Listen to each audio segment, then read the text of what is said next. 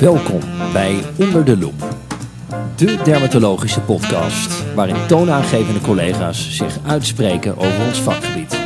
Welkom bij Onder de Loep, de dermatologische podcast waarin we elke aflevering een dermatologisch onderwerp onder de loep nemen met de expert op dat gebied. Wij zijn Babette Verkouteren en Luc Laume en we gaan het vandaag hebben over varitjes. Ook hebben we een kunstzinnige verrassing voor jullie in het midden van de podcast, waarover later meer. Want we gaan nu eerst starten met de bullet points. Bullet points. Nou, Babette, hoe vaak uh, komen vaartjes, ook wel spataderen, eigenlijk voor? Ja, dat is misschien vaker dan je zou denken, want 1 op de 10 mannen en 3 op de 10 vrouwen ouder dan 65 jaar heeft hier last van. En bij staande beroepen heeft zelfs 80% van de werknemers klachten. Klachten van en over spataderen staan dan ook hoog in de lijst van meest voorkomende problemen bij de huisarts. Al met al dus behoorlijk vaak. Dat is inderdaad best vaak. En welke klachten hebben deze mensen dan zoal? Ja, de klachten die kunnen heel variabel zijn en bestaan onder andere uit een zwaar of kloppend gevoel, uideem, jeuk, branderigheid en pijn. De klachten kunnen ook nog eens verergerd worden door lang staan of zitten. Een moe gevoel, krampen en rusteloze benen zijn minder specifiek voor varices, maar die kunnen wel degelijk door patiënten benoemd worden. Oké, duidelijk. En wanneer noem je nou een veninsufficiënt? Ja, de diagnostiek gebeurt natuurlijk middels duplexonderzoek, de gouden standaard. En insufficiëntie is gebaseerd op de refluxtijd. De afkapwaardes daarvoor verschillen per segment. Volgens de Nederlandse richtlijn is het afkappunt voor pathologische reflux 1000 milliseconden in het iliofemorale segment en 500 milliseconden in het femoraal, kuit en oppervlakkige segment. Ja, en als die, die vene dan insufficiënt is, uh, hoe kunnen we die behandelen? De behandelopties die bestaan uit ambulante compressietherapie, sclerocompressietherapie, echogeleide foamsclerose, ambulante flebectomie en endoveneuze technieken. De keuze die verschilt natuurlijk op basis van patiëntkarakteristieken en voorkeuren, maar natuurlijk ook op basis van de locatie, uitgebreidheid en het beloop van de insufficiëntie. En of we altijd moeten behandelen, dat gaan we met onze gast bespreken. Top. Nou, laten we uh, daar snel naartoe gaan dan. Ja. Onderwerp. Onderwerp. Onderwerp. Onderwerp.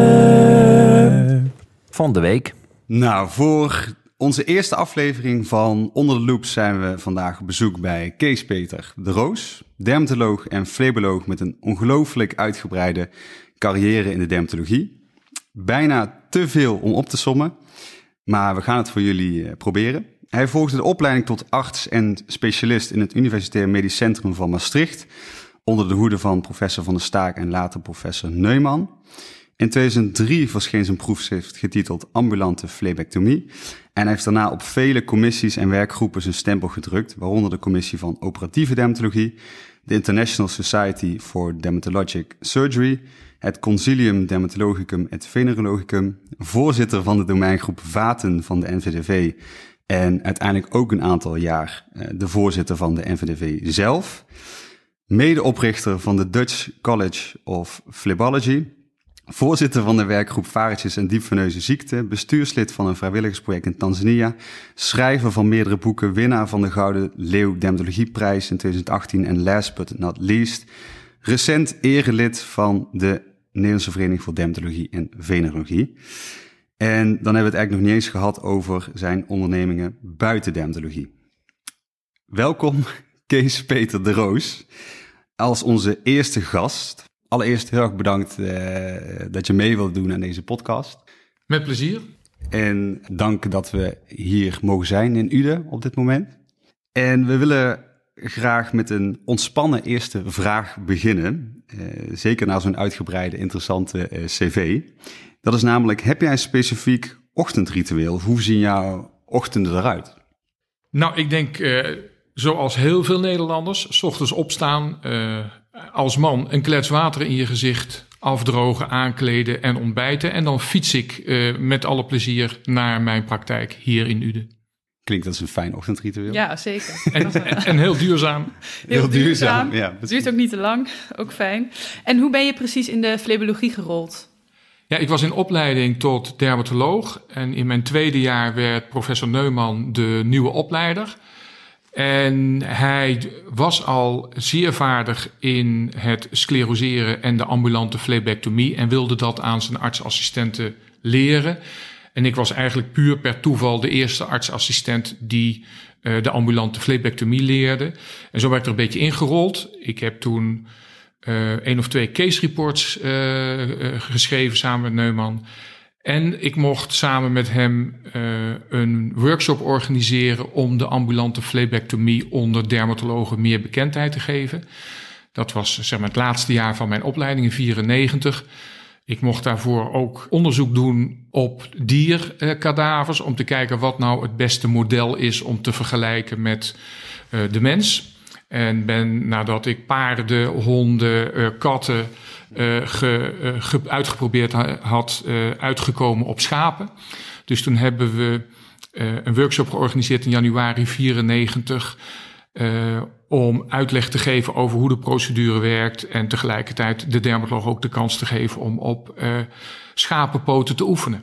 Ja, en dat heeft uiteindelijk ook geleid tot je proefschrift. Klopt, want toen ik uh, eenmaal twee jaar perifeer werkzaam was in 96, toen belde Neumann mij op en met de opmerking: wordt het niet eens tijd dat jij wat onderzoek gaat doen daar aan de rand van de peel? En als je dat interessant vindt, dan moeten we een keer praten. Dat hebben we gedaan. Ik heb toen uh, met hem besproken, ik zat fulltime in de praktijk, dat ik best onderzoek zou willen doen. Maar dat we dat geen promotietraject noemen, uh, omdat ik op ieder moment als de praktijk dat niet toelaat, zou willen kunnen stoppen. En dat uh, vond hij een goed plan. Vervolgens kwam ik zes weken later een collega tegen. Die zei: Goh, wat leuk dat jij gaat promoveren bij Neumann. en de rest is geschiedenis. Ja. ja. Het klinkt als een hele uitdagende uh, periode. Ja, was het ook. Ehm, ik heb, heb, de mazzel dat ik niet heel veel nachtrust nodig heb. Dus ik heb in feite dat proefschrift op een middag per week en drie avonden in de week uh, kunnen schrijven. Het heeft ook langer geduurd dan een gemiddeld traject. Uh, ik heb er zeven jaar over gedaan, maar wel zeven jaar heel veel plezier eraan uh, beleefd. Ja, en veel van wat je hebt onderzocht staat eigenlijk nog steeds, denk ik, hè? Ja, het belangrijkste onderdeel van het proefschrift gaat over de vergelijking van ambulante flebectomie met het scleroseren van zijtakvaricose. En daar hebben we van kunnen aantonen uh, dat de ambulante flebectomie op één mislukte ingreep na bij iedereen succesvol was. En dat je toch in uh, ongeveer uh, 37% van de gevallen uh, recidieven zag na scleroseren.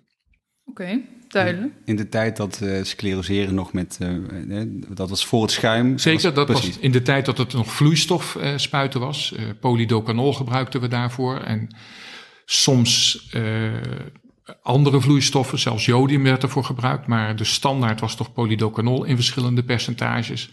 En zo met de, met de jaarwisseling, of de eeuwwisseling moet ik zeggen, um, werd de schuimsclerose geïntroduceerd. En die werd vooral gebruikt voor het scleroseren van uh, stamvaricose. Met name de VSP werd nogal een keer gedaan. Als patiënten niet in aanmerking konden komen voor het strippen van, uh, van deze uh, grote zijtakken. En dat heeft toch echt wel een kleine revolutie veroorzaakt, omdat door het schuim je tijdens het aanprikken en het inspuiten eigenlijk het bloed verwijdert uit uh, de aangeprikte ader, waardoor de scleroseervloeistof veel beter in contact komt met de vaatwand en dus meer beschadiging kan veroorzaken, waardoor eerder verkleving optreedt daaraan gepaardgaand meer kans op bijwerkingen, zoals uh, toch flebitiden en hyperpigmentaties. Maar al met al denk ik dat je op dit moment uh, moet zeggen dat de, het schuimscleroseren zo'n beetje de standaard is geworden voor het scleroseren van varices. Duidelijk, mooi. Komen we dadelijk uh, ook nog over te spreken. Um, we gaan even terug naar jou als persoon. Want wat is jouw grootste passie buiten het ziekenhuis? Ja, dan moet ik eigenlijk wel zeggen motorrijden. Het is uh, ooit begonnen uh, toen ik dacht van ja, ik heb altijd alle motorrijbewijs willen halen. Laat ik het dan nu ook maar doen onder het motto... Je kunt beter spijt hebben van de dingen die je gedaan hebt dan van de dingen die je niet gedaan hebt. Het is een, eh, het is een open deur, maar toch wel heel werkzaam. En je zou kunnen zeggen dat ik nadat ik mijn motorrijbewijs heb gehaald en een motor gekocht had, eigenlijk bijna niet meer afgestapt ben. Ehm, in eerste instantie rondjes uh, in de buurt. Uh, ik had een, kinderen waren toen nog klein en je kon niet, niet iedere dag gemist worden. Um, privé. Um, en, en vervolgens toch met het commissiewerk wat je deed, een hele fijne manier om je te vervoeren. Uh, ik wist dat ik, uh, omdat u er geen station heeft, uh, is het openbaar vervoer lastig. En met de auto ben je erg afhankelijk van de files rondom Den Bosch. En met de motor weet je dat, dat je altijd binnen drie kwartier in de domus bent. Dus dat is een, een hele mooie, en, mooie manier om hobby en, en werkzaamheden te combineren. Ja. En de laatste jaren ga ik steeds vaker op, op motorvakantie. Eén, twee keer per jaar waarbij de motor verplaatst wordt naar een mooie bestemming om daar vervolgens naartoe te vliegen en uh, zes dagen met veel plezier uh, in dat land rond te reizen, zoals recent Slovenië en Kroatië. Klinkt heerlijk. En was het ook. En wat zou je doen als je geen dermatoloog was geworden? Ja, het eerlijke antwoord is eigenlijk, eh, dat, dat zou ik niet weten. Maar als ik dan toch iets moet noemen, zou dat huisarts zijn. Uh, ik heb altijd gevonden dat het vak van huisarts toch wel het moeilijkste is eh, binnen de geneeskunde. Uh, je ziet 80% van de patiënten die kun je helpen door geruststelling. Maar je moet zo wakker blijven dat je die 20% pathologie niet mist. En ook jezelf in slaap zust bij die, bij die laatste categorie. Uh, ik heb soms het idee dat huisartsen het nooit goed kunnen doen. Of de patiënt vindt dat hij te, te laat verwezen wordt. En de medisch specialist roept nog wel eens uh, dat die patiënt helemaal niet verwezen had hoeven worden. Dus het is een, dus een heel lastig, maar wel mooi uitdagend vak. Ja, en ook wel veel raakvlakken met de dermatologie. Ja. Eh. Zeker, er zit heel veel dermatologie in de, in de eerste lijn. Uh, en daarom is het ook wel jammer dat het kooschap in veel medische faculteiten facultatief is geworden. Ik zeg dan graag dat als je geen kooschap dermatologie doet, dan gaat het boek ook niet open. Ook al doe je maar één of twee dagen kooschap, dan zul je toch een boek weer open doen. En als je ziet hoe groot de, het aandeel van de pathologie in de eerste lijn is, is dat toch wel een gemiste kans. Ja, dat is zeker zo. En als je jezelf op de eerste dag van de opleiding uh, tot dermatoloog een advies zou kunnen geven, wat zou dat dan zijn geweest? Dan zou dat zijn: je kunt het. Ik dacht na een half jaar in opleiding, ik leer het nooit. De ene keer zegt de supervisor: dit is een verruca seborrhoica, en de volgende keer is het ineens een melanoom. Uh, verder zaten er zeker in die beginperiode uh, met wat oudere dermatologen als supervisor heel veel eigennamen in. We hadden het altijd over het erythema chronicum migrans van Afzelius Lipschutz. Alsof er nog drie andere zijn. Uh, dat was in de tijd dat er nog geen Borrelia ontdekt was. En we alleen wisten dat als je dat soort rode vlekken zag, het meestal verdween na tien dagen doxycycline. Dus in die zin is er niet veel veranderd. Maar je leert het vak door veel te doen, veel te kijken en, uh, en, en enthousiast te blijven voor, uh, voor de patiënt. En geïnteresseerd blijven in de patiënt. Ja, wat is de belangrijkste verandering binnen de dermatologie, binnen je eigen carrière?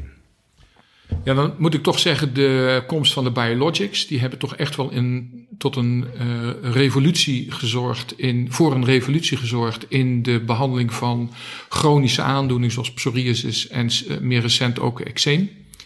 Uh, als je in de flebologie kijkt, zijn dat twee dingen. Het beschikbaar komen van betaalbare duplexapparatuur, waardoor het niet meer op het verre vaatlab het onderzoek aan de patiënten gedaan wordt, maar dat je dat live bij de patiënt, liefst tijdens het eerste consult, zelf kunt doen.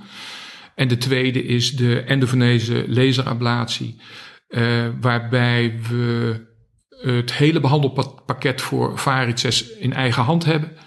We doen de diagnostiek met behulp van de duplex. Je maakt een behandelplan tijdens het onderzoek. Je kunt de patiënt meteen in Jip en Janneke taal uitleggen wat er aan de hand is. En je hebt behandelingsmogelijkheden voor de stam, de zijtakken en de kleine vaten. Ja. ja, zeker. En misschien moeten we voordat we verder de diepte ingaan, even terug naar, naar de basis. Want hoe ontstaan spataderen nou eigenlijk? We hebben allemaal wel enig idee, maar meer op celniveau, eiwitniveau. Wat ligt er aan ten grondslag? Ja, dat, dat is en blijft heel complex. Um, heel plat geslagen zeggen we dat we 3,5 miljoen jaar geleden uh, het besluit hebben genomen op onze achterste benen verder te gaan. Uh, dat lijkt een verklaring, maar is het niet helemaal. Het blijft vreemd waarom de mens, die maar maximaal twee meter hoog wordt, spataders krijgt en de giraf, waarbij het mannetje gemiddeld 3 meter 75 lang wordt, geen spataders uh, krijgt gedurende zijn leven. Um, wij, wij denken dat omgevingsfactoren van, uh, van belang zijn. Wij denken dat uh, het aantal zwangerschappen van belang zijn. Waarbij je een druk, uh, een, een, ja, eigenlijk een goedaardig ruimte innemend proces in de buik hebt bij de vrouw. Die voor drukverhoging zorgt. Dat gecombineerd met het veranderen van de hormoonhuishouding. Staande beroepen zijn toch altijd al aangemerkt als risicofactor. Um, en ja, de, de, op cellulair niveau uh, zijn er een aantal onderzoeken die laten zien dat uh, matrix metalloproteinase een rol spelen bij het ontstaan van zwakte in de, in de venenwand, waardoor varices zou kunnen, kunnen ontstaan. Lang hebben we gedacht dat familiaire aanleg een factor is, maar als je dat corrigeert in onderzoek, en dat is recent gedaan, dan blijkt die factor wat minder is.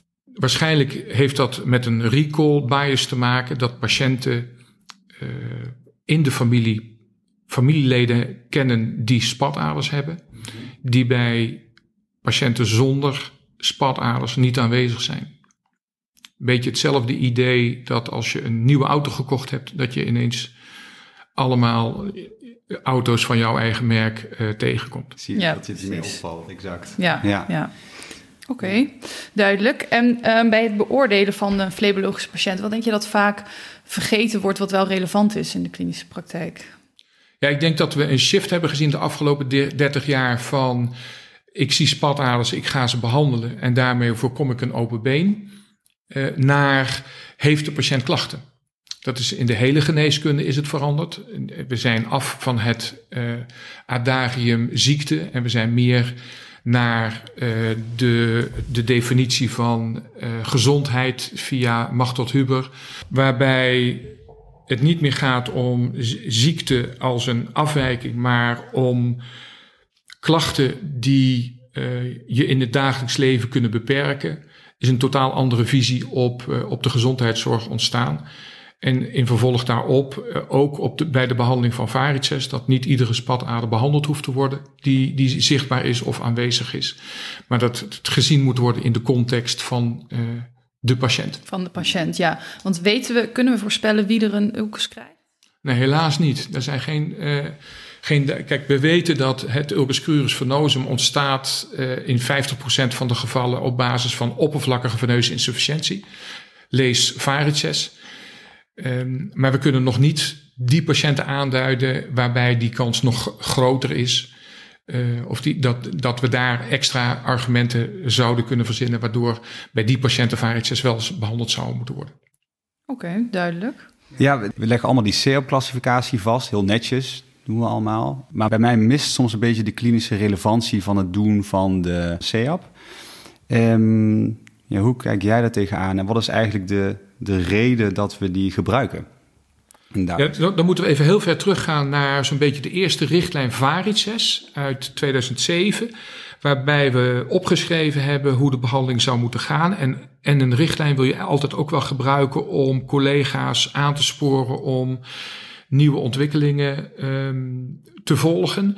In die richtlijn hebben we aangegeven dat we vonden dat 80% van de patiënten met varices een duplexonderzoek zouden moeten ondergaan voorafgaand aan de behandeling. De standaard was toen in veel praktijk nog het Doppleronderzoek, wat alleen een geluidonderzoek is. In de daarop volgende richtlijn hebben we uh, geprobeerd, mede op verzoek van zorgverzekeraars, om te kijken naar hoe kunnen we die varices beter klassificeren. De CEAP-classificatie is geïntroduceerd in de wetenschap om uh, wetenschappelijk onderzoek beter vergelijkbaar te maken. Je kon daarmee duidelijk aangeven welke categorie patiënten je had behandeld. Dat is een uitgebreide klassificatie op basis van, uh, van vier, uh, vier letters. En in de richtlijn hebben we toen aangegeven um, dat we vonden dat tenminste de C van de CEAP-classificatie geregistreerd moest worden bij tenminste 80% van de patiënten. Dat is overgenomen door de zorgverzekeraar. Um, tegelijkertijd kwam het Zorginstituut, toen nog het College voor Zorgverzekeraars. Um, het Zorginstituut is een onafhankelijk instituut dat de overheid adviseert over thema's in de zorg. En het, de voorganger daarvan deed dat ook al.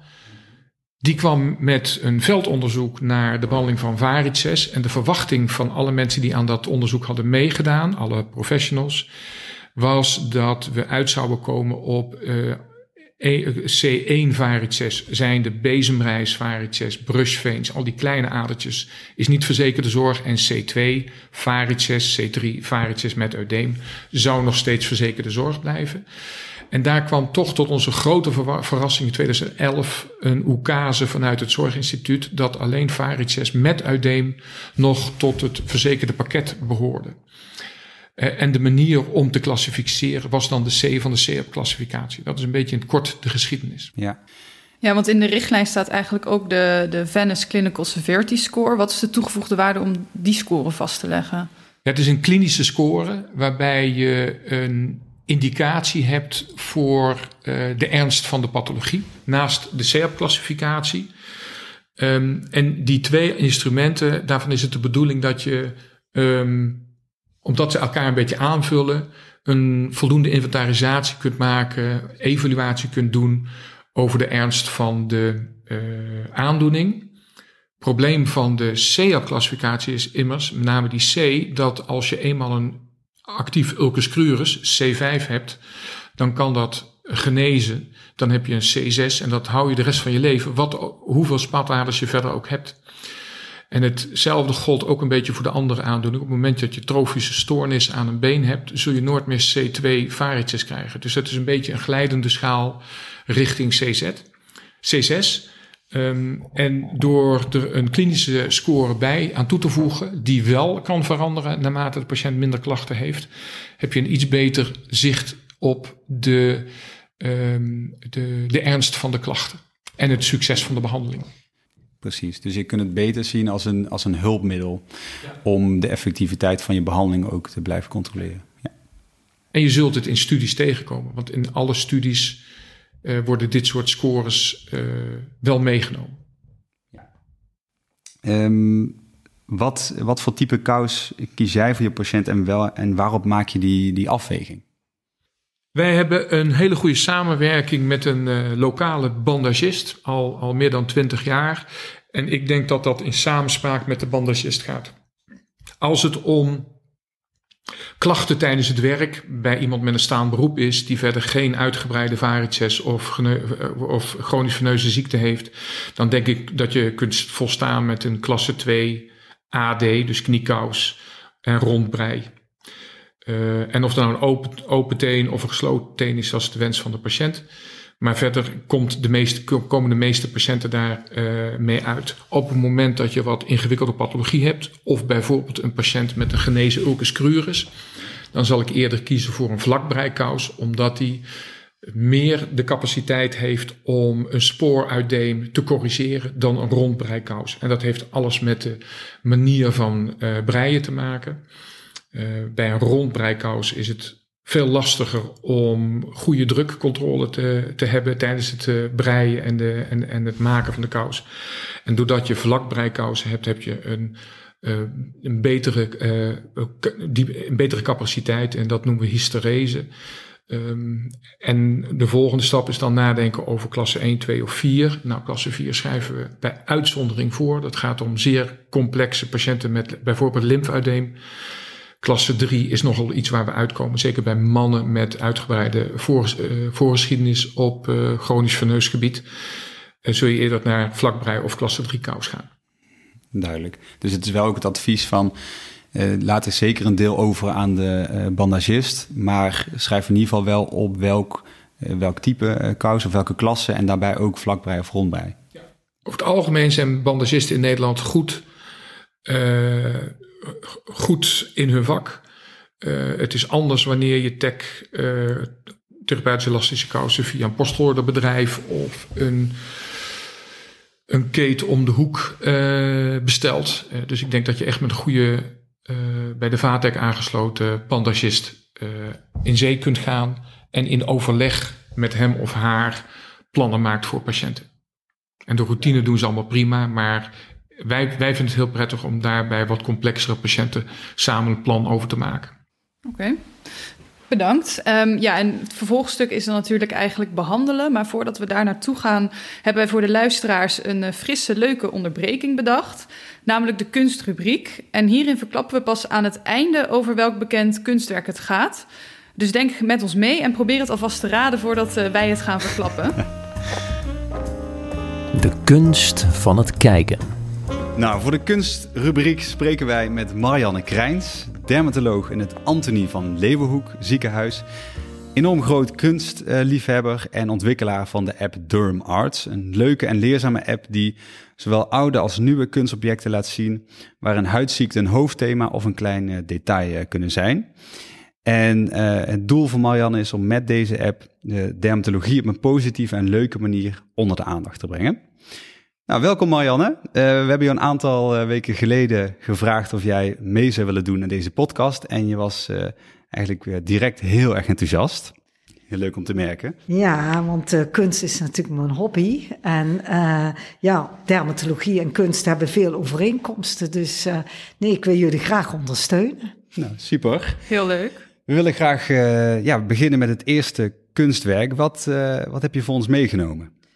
Nou, ik heb eigenlijk meegenomen, dit is een motivatie om de app te downloaden. Die kan je gratis downloaden. Uh, en uh, het eerste schilderij uh, ga ik nu met jullie bespreken. Ehm, het, het is in, hangt in het buitenland. Dus ja, wat is er zo al te zien, ja. Babette? Goed om het nog een klein beetje abstract te houden, zodat niet iedereen meteen weet waar we het over hebben. Um, wat ik zie op het schilderij is een, een jonge vrouw schat rond de 30 jaar in. En ter plaatse van de linker ooghoek zie je eigenlijk eh, aan de mediale zijde een solitaire, matig scherp begrensde, huidskleurige tot gelige papel, mogelijk een plak. Um, wat er verder opvalt is ja, weinig haargroei ter plaatse van de, van de wenkbrauwen en de wimpers. Um, en op de, de pols, ter hoogte van dig 1, zie je eigenlijk ook nog een lesie. Ja, is het een papel? Is het een nodus? Het is ja, ook een soort gelige verdikking van de huid in ieder geval. En op basis van wat ik bij het oog zie, zou ik in ieder geval de diagnose Xanthelasmata palpebrarum stellen. Um, maar wellicht kan jij ons nog uh, meer vertellen over dit schilderij? Ja, het, um, uh, het, het is wel degelijk zo dat die papel altijd daar gezeten heeft. Uh, want uh, men heeft het schilderij natuurlijk meerdere malen gerestaureerd. En met infrarode technieken is dus te zien dat deze papel altijd aanwezig is. Een ondersteuning van deze diagnose kan zijn dat Mona, Mona Lisa, hè? Ja. ja, ja, ik heb al verraden, uh, dat zij niet oud is geworden. Mm -hmm. En uh, ja, xanthelasma palpebrarum uh, en xantome zijn dus een uiting van een uh, vetstofwisselingsziekte. en daarbij heb je vaak ook cardiovasculaire afwijkingen. En dat zij daarom op jonge leeftijd zou zijn overleden. maar daar zijn diverse verhalen over geschreven. Uh, haar wenkbrauwen en wimpers, die hebben er wel altijd gezeten, maar zijn waarschijnlijk bij de restauraties uh, weggetoucheerd. Um, want op hele oude, uh, als men dus bij, tijdens de restauratie kwam men erachter dat er vroeger wel wimpers en wenkbrauwen zijn geschilderd. En um, ja, zij wordt genoemd de dame met de glimlach. Ja. Ja, en... Kijk je glimlachend aan, van welke ja. kant je ook kijkt. Ja, precies. En dan heeft zij een uh, zwarte uh, cape om. Uh, die kan enigszins passen bij rouw. Uh, en anderzijds uh, wordt het gezien als teken van deugdzaamheid. Uh, ja, en dat past natuurlijk bij haar glimlach. Ja. Um, en ja, ze hangt dus in het Louvre. In Parijs, ja. In, in ja. Parijs. En het is een heel klein uh, schilderij. Het is 77 centimeter bij 53 centimeter. Het is geschilderd door Leonardo da Vinci. En het is uh, ook weer uh, met, met olieverf op paneel. Ja, ja? ja en dat, die afmetingen, dat was het eerste wat me opviel. Iedereen zegt altijd, hè, je moet naar de Mona Lisa. Precies. En dan sta je ervoor en dan denk je, oh, Valt die een is beetje tegen. ja. vrij klein. Nou, ontzettend bedankt Marianne voor deze achtergrondinformatie. En we zien je graag de volgende aflevering, uh, of je ho we horen je graag weer terug. Nee, natuurlijk. Goed geraden.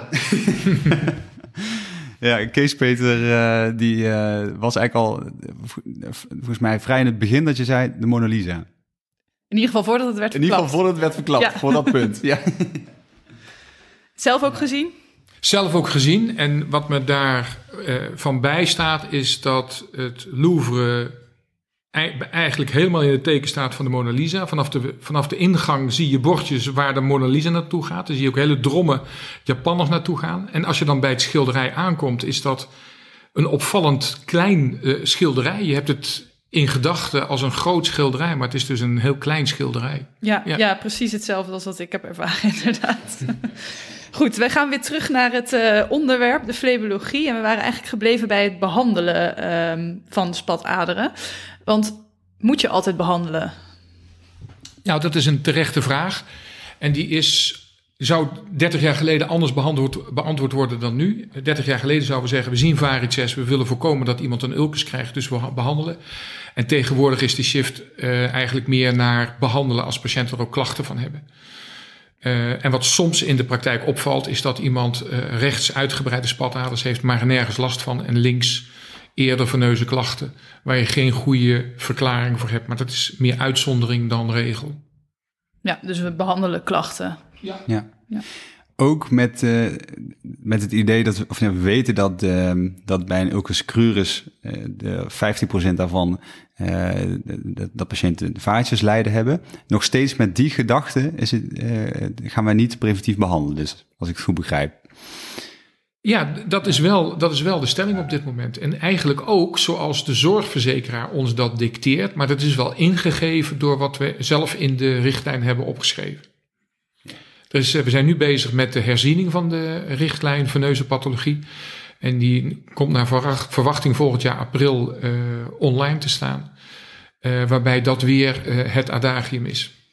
Ehm, is er eigenlijk een verschil tussen endoveneuze of of tussen radiofrequente behandeling of eh, laserbehandeling? Zit daar iets van een verschil Nee, in er, zit, er effectiviteit? zit eigenlijk geen groot verschil. De effectiviteit van beide is vergelijkbaar. Wij zijn in 2008 begonnen met eh, de Venus, eh, de closure fast, zeg maar de radiofrequente ablatie. Eigenlijk vanwege het feit dat we uit de literatuur wisten dat de toenmalige laserdraadjes meer pijnklachten gaven de week na de behandeling. Uh, daarom hebben wij destijds gekozen voor de radiofrequente ablatie.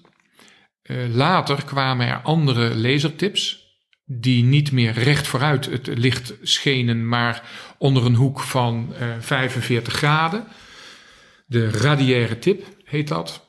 En bij die patiënten was er geen napijn in de week na de behandeling. En dat is voor ons toen een reden geweest om een tijd lang beide en later alleen nog de laserbehandeling toe te passen.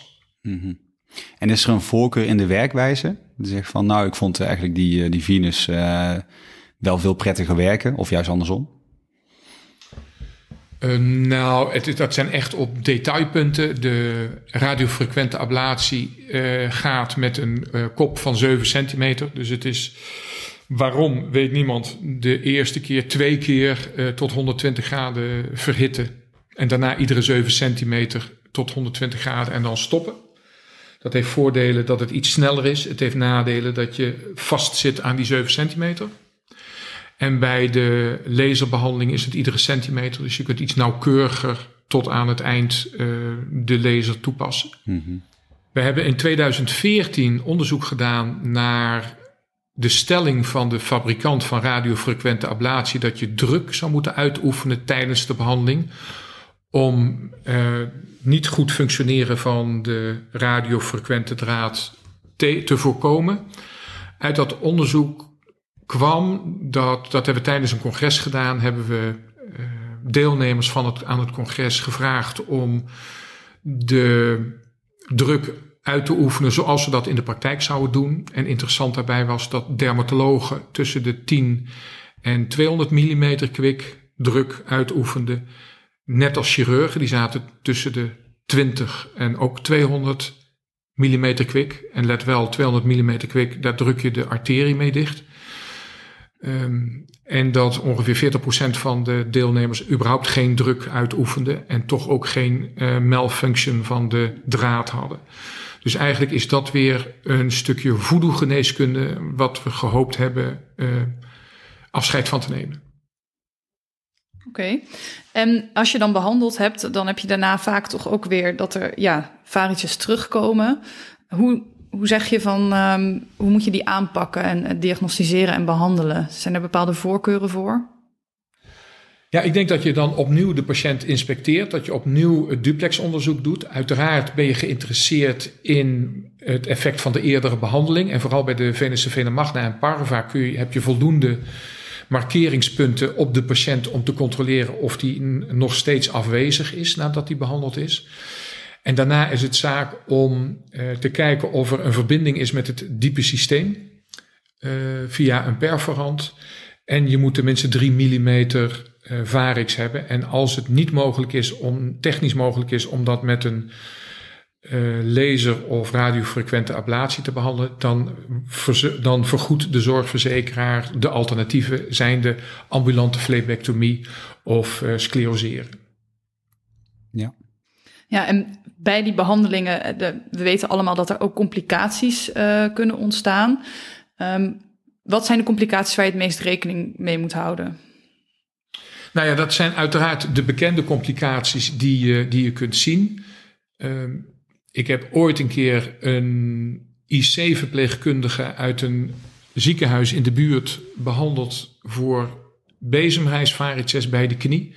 En die had binnen een week een uh, diepveneuze trombose en een longembolie. Dus ook bij hele eenvoudige scleroseerbehandelingen kun je dit soort complicaties meemaken. Is iets wat je rekenschap voor moet geven. We hebben in de literatuur in een kliniek in Nederland een complicatie gehad waarbij de operateur niet luisterde naar de assistent van de ingreep en per abuis de voerdraad die voorafgaat aan het invoeren van de laserdraad opgeschoven heeft met de laserdraad, waardoor die in twee patiënten terechtgekomen is. Uh, dat heeft bij de ene patiënt tot een endoveneuze uh, behandeling geleid, die, waarmee de voerdraad verwijderd is. En bij de andere heeft dat een veel ingrijpender operatie tot gevolg gehad. Dat waren patiënten die na de ingreep onbegrepen hartritmestoornissen kregen. Die eigenlijk als gevolg van een, een iets te arrogante opstelling van de behandelaar uh, overzien is. Dus wees je ook uh, bewust van het feit dat een ingreep zoals een endoveneuze behandeling, hoewel die routinematig gepleegd kan worden, toch je concentratie vergt. Zo hebben wij, al zolang als we de, deze behandeling doen, een time-out moment. Vlak voordat wij de laser aanzetten, eh, controleert de operateur of de, welk, om welk vat het gaat, dat het vat is aangeprikt, dat de voerdraad is verwijderd, dat de laserdraad is aangebracht en dat de plek uh, van, uh, ten opzichte van de crossen is bepaald dat de tumescent is aangebracht en dat de brillen geplaatst zijn, alvorens wij de laser aanzetten. En dat is een hele eenvoudige manier om in de gezelligheid, die er soms ook tijdens een behandeling optreedt, om de patiënten gerust te stellen, toch even de focus is vlak voor een, een belangrijk moment in de behandeling. Ja. Dus je doet de time-out van tevoren, waarbij alles uh, afgaat qua hè, bloedverdunners, is het een goede patiënt, dat soort zaken. Zeker. doet vaak de assistent al. Ja. Um, maar dus je zegt eigenlijk, er moet nog een extra time-out moment zijn tijdens de ingreep. Ja, omdat dat een moment is waarbij je in de routine uh, iets over het hoofd kunt zien, die dramatische gevolgen ja. kan hebben voor de patiënt. Waar is de voerdraad uiteindelijk uh, terechtgekomen? Bij die desbetreffende die bij, casus? Bij, bij beide patiënten zijn die in het hart terechtgekomen. Dus via de vena cava in het, uh, in het rechterhart. En dat zorgde voor onbegrepen hartritmestoornissen die niet medicamenteus door de huisarts behandeld konden worden. Die had ook totaal geen, uh, geen, geen wetenschap dat dit zou kunnen gebeuren. Nee. Uh, en pas nadat er een thoraxfoto gemaakt was, zijn deze complicaties aan het licht gekomen. Ja, dat is een vrij dramatische complicatie. Ja, ja. Ja. En ehm, na behandeling hè, de complicaties kunnen optreden, maar wat we ook altijd doen is eh, compressief eh, verband, compressie toepassen. Waarom eigenlijk? Moeten we dat wel doen? Nou, dat, dat is een hele goede vraag. Ehm, wij, gaan ervan uit dat we 1 tot 2 weken compressie doen na een eh, endoveneuze behandeling. Ehm, daarbij is de gedachte enerzijds dat je de tumescentvloeistof daarmee sneller kwijtraakt. En misschien iets minder vaak hematomen eh, ziet. Of de hematomen die ontstaan iets sneller genezen. Hematomen ontstaan niet door de behandeling, maar door het prikken met de naald voor de tumescentvloeistof. Er is eh, kort geleden een vaatchirurg uit Heerlen, Attila Krasnai, eh, gepromoveerd op onder andere twee onderzoeken over compressie na endoveneuze laser. En die komt tot vier uur compressie na de behandeling. Terwijl we, denk ik, in grote delen van Nederland ehm, toch nog wel compressie toepassen. Hetzelfde geldt al eeuwen voor het eh, scleroseren van varices. Het is heel interessant dat in West-Europa overal twee tot zes weken elastische kous gegeven wordt na compressie, behalve in Frankrijk.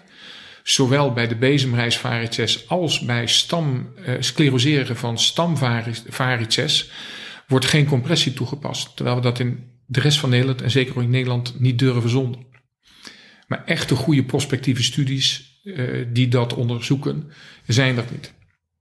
We hebben zelf onderzoek gedaan naar compressie na ambulante flebectomie.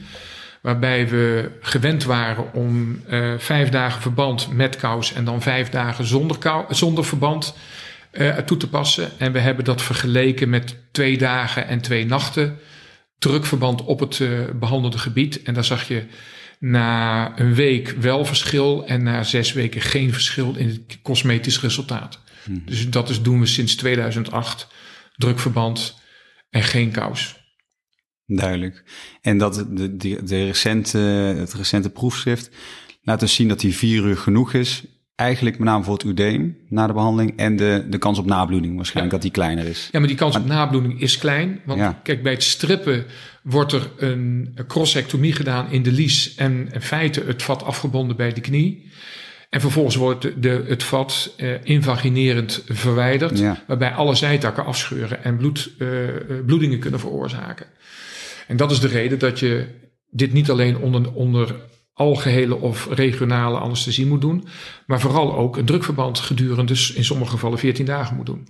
En doordat je de VSM met de laserbehandeling dicht brandt, zijn meteen ook alle zijtakken afgesloten. Ja, precies. Ja, dus de kans inderdaad op nabloeding is eigenlijk feitelijk. Het, het enige wat kan ontstaan is eh, een nabloeding bij de, bij de incisie vanuit het, eh, het vat aan de onderkant van het Ja. eh, distale vat. Ja, je zou nog kunnen zeggen, misschien is het risico op een trombosebeen groter op het moment dat je niet de compressietherapie geeft eh, voor langere tijd. Maar dat is ook geen evidence voor eigenlijk. Nee, dat is er niet. En omdat het nu een ambulante behandeling is, patiënten zijn een half uur tot drie kwartier in de kliniek en wandelen daarna bij wijze van spreken naar Ja, huis. Dus ja, precies. zijn, worden ook meteen weer gemobiliseerd. Ja. En dat is ook altijd advies, blijf mobiliseren na de ingreep. Zeker, Ja.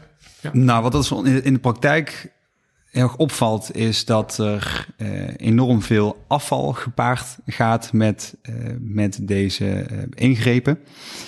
Dus ik merk dat op het moment dat we zo'n spreekuur in de ochtend gedaan hebben, dat er makkelijk twee of drie van die grote afvalzakken de deur uitgaan. Ehm, is er aandacht en is er ehm, ja, bepaalde mate, ehm, eh, zijn, zijn we ermee bezig om deze, dit soort ingrepen duurzamer te maken? Of, eh, of niet? Of wordt er eigenlijk weinig mee gedaan nog op dit moment? Ja, dat is ook een terechte vraag en ook een vraag die eh, speelt. En verschillende universitaire klinieken en ziekenhuizen zijn er ook mee bezig. Wat wij al jaren doen is het verpakkingsmateriaal zoveel mogelijk scheiden bij de bron. Hè, vaak heb je een stukje papier eh, waar de laserdraad in zit en dat wordt afgesloten met plastic. Dus dat scheiden we eh, in de kliniek. Een, een iets lastig probleem is daarbij de steriele jas en de, het afdekmateriaal wat je gebruikt, omdat daar nogal eens een keer bloed eh, van de patiënt in terechtkomt. En dan kun je dat eigenlijk alleen maar eh, als medisch afval eh, afvoeren. En dat gaat dan inderdaad naar de verbrandingsover, de landelijke verbrandingsover in, in Dordrecht. Dus daar, dat, is, dat is best een, eh, een ding. En ik hoop dat er in de toekomst ook uh, eenvoudiger oplossingen voorkomen. Anders dan weer, weer teruggaan naar de katoenen doeken Ja. die braaf gewassen worden door de sterilisatieafdeling. Ja. En jullie hebben dus drie eh, bakken eigenlijk op de behandelkamer voor patiëntenmateriaal, restafval, papier en plastic. Klopt, ja. Duivelse dilemma's. Eerste dilemma. Als je alleen nog maar eh Muller of endoveneuze ablatie eh, zou mogen doen, welke van deze twee zou je dan kiezen? En dat betekent dus vanaf nu voor de rest van de carrière. Nou ja, daar kan ik met mijn voorgeschiedenis in de ambulante flebectomie natuurlijk maar één antwoord op geven. En dat is de ambulante flebectomie. Het is een zeer elegante ingreep onder plaatselijke verdoving met minimale littekens. En uiteraard zie ik met 30 jaar ervaring regelmatig patiënten die met recidiven komen. En als je nog goed kijkt, lukt het meestal wel om die hele kleine littekentjes terug te vinden. En dan zie je ook dat het op een andere plek is teruggekomen. Dus het is ook nog eens een definitieve behandeling van de varix die je, die je doet. Het heeft als nadeel dat het een wat ingewikkelder leercurve heeft. Je ziet dat je AIOS makkelijk het scleroseren kunt leren. Um, en de ambulante flebectomie, daar heb ik heel wat natte ruggen voor gehad in mijn opleidingstijd voordat het echt allemaal lukte. Deels kwam dat uiteraard door onervarenheid, deels kwam dat ook omdat je een hele grote varix verwacht, terwijl dat in de praktijk vaak een wat dunner uh, draadje is als je hem, uh, hem oogst. Uh, maar het is en blijft ook na 30 jaar nog steeds een hele leuke behandeling om te doen. Duidelijk. Ja, je hebt ons overtuigd. Ja, ja precies. Ja. En er was nog een dilemma, geloof ik, hè? Ja. Nou ja. Nou, als je één stelling zou mogen kiezen uit je um, proefschrift, 2003, die je op dit moment nog, nog eens een keer in de schijnwerpers zou willen uh, plaatsen, welke zou dat dan zijn? Ja, dan zijn het er natuurlijk eigenlijk twee. De eerste, dat is de stelling die ik van mijn zoon heb, die toen 12 was. En dat, was, dat is boeken over diarree moeten dun zijn. Ik denk dat dat nog steeds relevant is. ja. En de andere is dat een meer serieuzere toon. Iedere fleboloog dient tenminste gedurende één zomer dagelijks elastisch therapeutische kousen te dragen. Voor zorgverzekeraars zou dat eveneens geen slechte zaak zijn. En die heb ik zo opgesteld omdat ik denk dat patiënten die nog, niet, er, nog geen ervaring hebben met elastische kousen, daar huiverig voor zijn. Met name omdat ze vooral in de zomer deze kousen zouden moeten dragen, terwijl het dan juist zo warm is. En in de praktijk, en ik heb dat natuurlijk zelf ook gedaan, blijkt dat dat in de zomer reuze meevalt en dat je juist heel veel profijt hebt van het dragen van elastische kousen.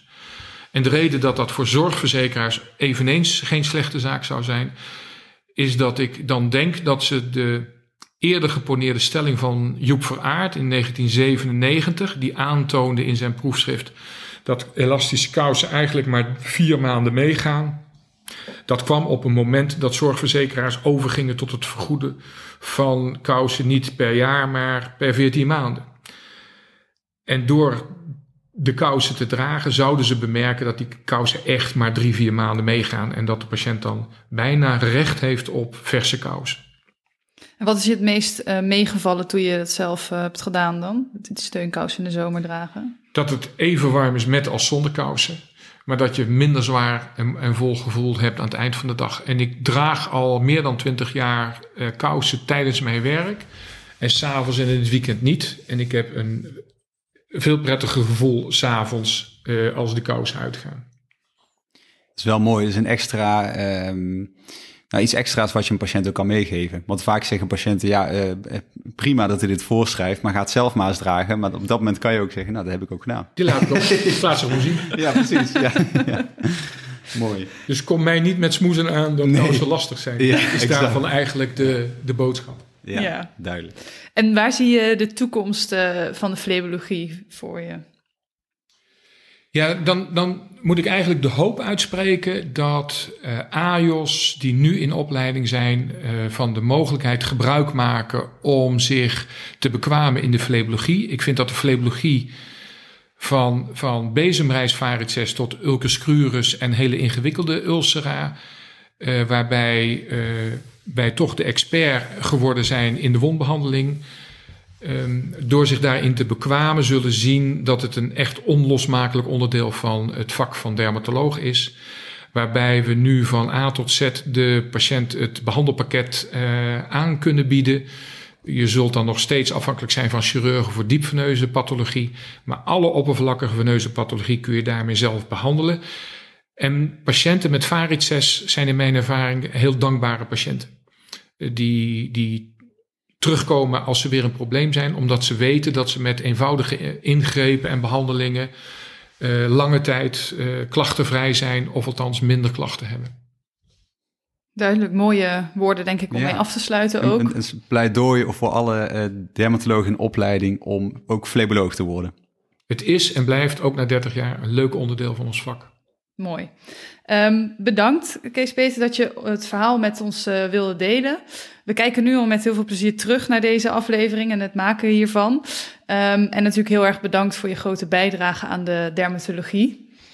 En voor de luisteraars, uh, mochten jullie dit een leuke aflevering vinden of willen jullie een bepaalde spreker of onderwerp uh, nog extra horen, laat het ons vooral weten via LinkedIn. En tips zijn natuurlijk ook altijd welkom.